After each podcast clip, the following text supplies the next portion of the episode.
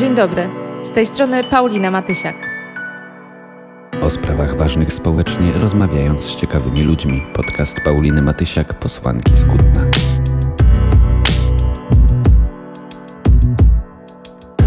Cześć, przy mikrofonie Paulina Matysiak. To kolejny odcinek mojego podcastu i dzisiaj chciałabym porozmawiać o demokracji. To jest odcinek z cyklu ABC Lewicy i jeżeli przychodzi Wam do głowy jakiś temat, o którym chcielibyście, chciałybyście posłuchać, to koniecznie dajcie mi znać. W opisie tego odcinka znajdziecie do mnie namiary, adres mailowy, namiary do mediów społecznościowych. Śmiało piszcie, odzywajcie się. Demokracja jest jednym z tych podstawowych, e, pojemnych pojęć, które mieści w sobie wiele wątków. Wiele znaczeń może być też rozpatrywane od różnych stron i na wielu poziomach. Można przecież rozumieć demokrację jako sposób sprawowania władzy w państwie lub jako pewnego typu sposób organizacji państwa, ale sprowadza się niekiedy do samego systemu wyłaniania elit sprawujących władzę, czy też rozszerza do idei, która łączy w sobie i przenika wiele aspektów życia społeczno-gospodarczo-politycznego i nie ogranicza się tylko do procesu procesu wyborczego. I to właśnie o tej szerszej, bardziej ogólnej idei demokracji chciałabym dzisiaj pomówić i też w tym duchu będę używała tego pojęcia w dzisiejszym podcaście. W takim najbardziej powszechnym rozumieniu demokracja to system, w którym obywatelki i obywatele danego państwa posiadający prawa wyborcze raz na jakiś czas biorą udział w wyborach władz. Wybierają prezydenta, parlamentarzystów,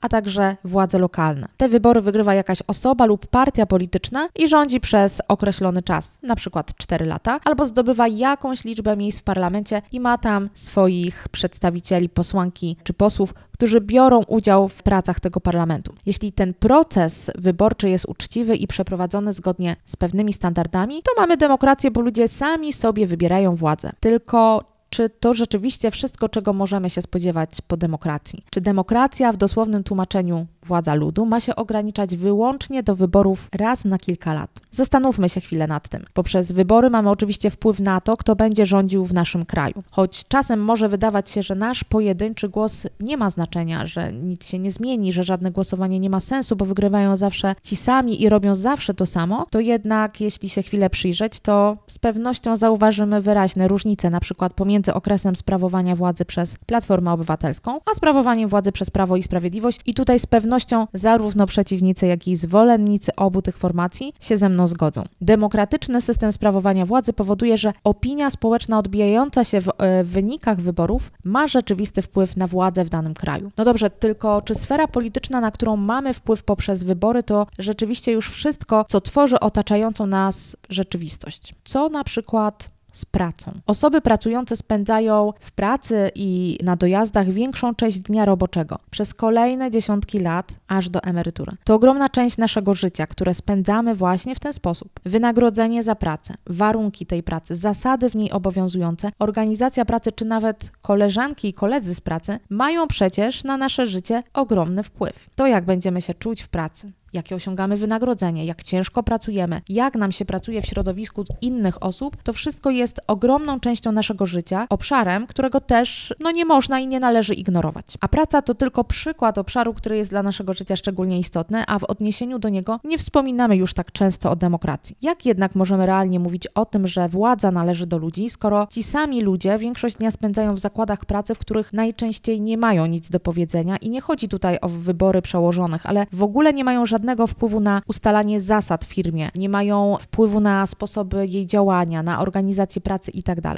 Jak możemy mówić o tym, że żyjemy w demokracji, skoro większość aktywnego czasu spędzamy w miejscu, w którym nierzadko panują średniowieczne metody sprawowania władzy, gdzie właściciel jest panem i władcą decydującym o każdym aspekcie życia przedsiębiorstwa i pracy w nim według własnego widzimisię bez konieczności uwzględniania czyjegokolwiek zdania. I żeby była pełna jasność, tak, władza polityczna ma oczywiście wpływ na stosunki pracy w kraju, to bez wątpienia. Ale nie oznacza to bynajmniej, że demokracja się w tym udziale wyczerpuje. Jeżeli więc chcemy na poważnie zorganizować nasze państwo tak, aby ludzie rzeczywiście mieli wpływ na otaczającą ich rzeczywistość i mogli demokratycznie o sobie decydować, to nie można pominąć tutaj konieczności rozbudowywania i wspierania mechanizmów demokratycznych w różnych obszarach życia. W przypadku pracy można to zrobić i robi się w Europie za pomocą wzmocnienia statusu związków zawodowych, konieczności konsultowania z Radą Pracowników pewnych decyzji, czy w ogóle włączaniu samych osób zatrudnionych do współtworzenia zasad i współzarządzania organizacjami, w których są zatrudnieni. Demokracja też nieodłącznie kojarzy kojarzy nam się z wolnością. Kiedy mówimy o krajach demokratycznych, wyobrażamy sobie państwo, w którym możemy swobodnie wybierać miejsce, w którym żyjemy. Zawód, to czy założymy rodzinę i z kim, to co robimy w wolnym czasie, kogo politycznie popieramy, w co wierzymy.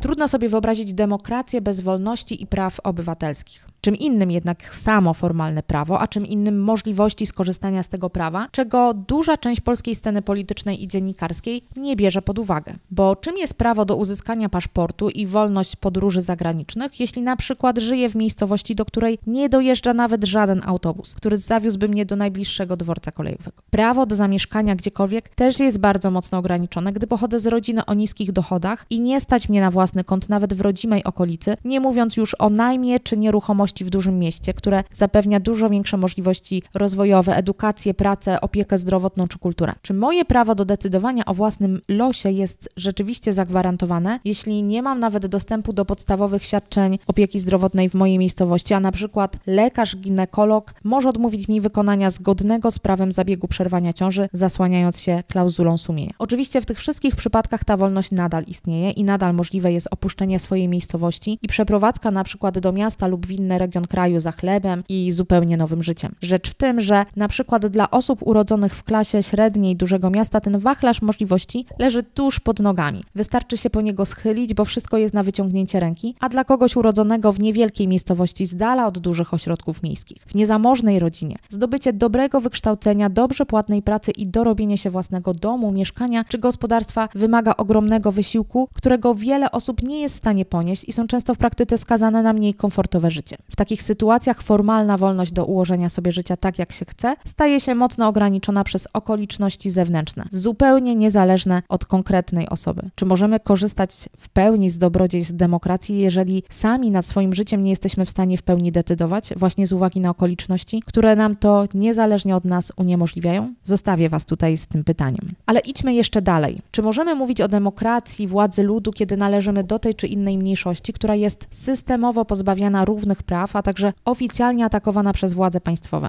Czy na przykład osoby LGBT mogą realizować pełnię swoich demokratycznych praw, kiedy odmawia się im prawa do zawierania małżeństw cywilnych, piętnuje się je w publicznej telewizji i sejmowej mównicy, dopuszcza szczucie i uliczną przemoc, stara też się wyrugować z przestrzeni publicznej. Czy rzeczywiście fakt, że możemy iść raz na cztery lata zagłosować w wyborach do Sejmu, Senatu oznacza, że mamy już pełnię demokracji i nic więcej robić nie trzeba? Niestety, ale wiele osób chyba tak myśli, sądząc po ich wypowiedziach. Czyli ktoś może być zatrudniony w firmie rządzonej przez szefa despotę, mieszkać w miejscowości pozbawionej publicznego transportu i podstawowych usług publicznych, zarabiać minimalną miesięczną pensję, która wystarcza zaledwie na przetrwanie, ale za to może głosować w wyborach na prezydenta czy do Senatu, więc już demokracji stało się zadość. Wszystko jest w najlepszym porządku i możemy spać spokojnie. Wydaje mi się, że jednak to zbyt proste i zbytnio ograniczające pojęcie demokracji. Oczywiście rozumiem, że nierówności będą występować zawsze, że wolności są naturalnie ograniczone, że z demokratycznego procesu głosowania głosowania wynika, że władzę obejmuje grupa ciesząca się największym poparciem, a osoby popierające inne formacje polityczne będą musiały zaakceptować w wielu kwestiach inny wybór większości współobywatelek i współobywateli. Ale nie oznacza to, że musimy akceptować stan, w którym wąska grupa najlepiej usytuowanych obywateli korzysta sobie wedle własnej woli z pełnego katalogu praw i wolności, gdy tymczasem miliony obywateli zamieszkujących mniejsze ośrodki, pracujące w mniej atrakcyjnych i tętniących biznesem miejscach kraju, muszą podjąć duży wysiłek, żeby skorzystać skorzystać z podstawowych usług publicznych, takich jak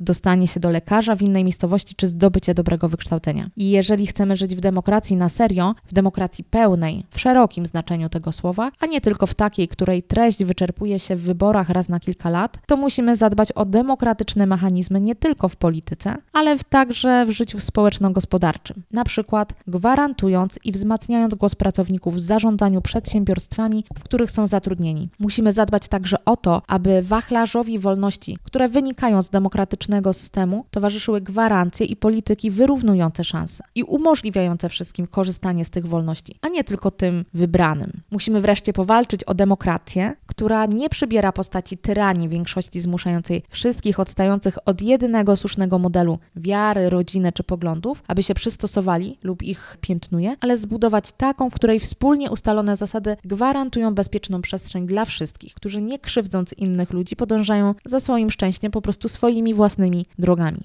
Demokracja to bardzo ważna idea, o której realizację musimy zabiegać każdego dnia, o której rozkwit musimy dbać, której warunków istnienia musimy bronić, a nie tylko zadowalać się demokratycznym mechanizmem w jednej dziedzinie. Napiszcie do mnie i dajcie znać, jak wy rozumiecie demokrację i czym ona dla was jest. Dziękuję za ten czas razem i zachęcam do podesłania tego odcinka swoim znajomym czy podzielenia się nim w mediach społecznościowych. Dobrego dnia.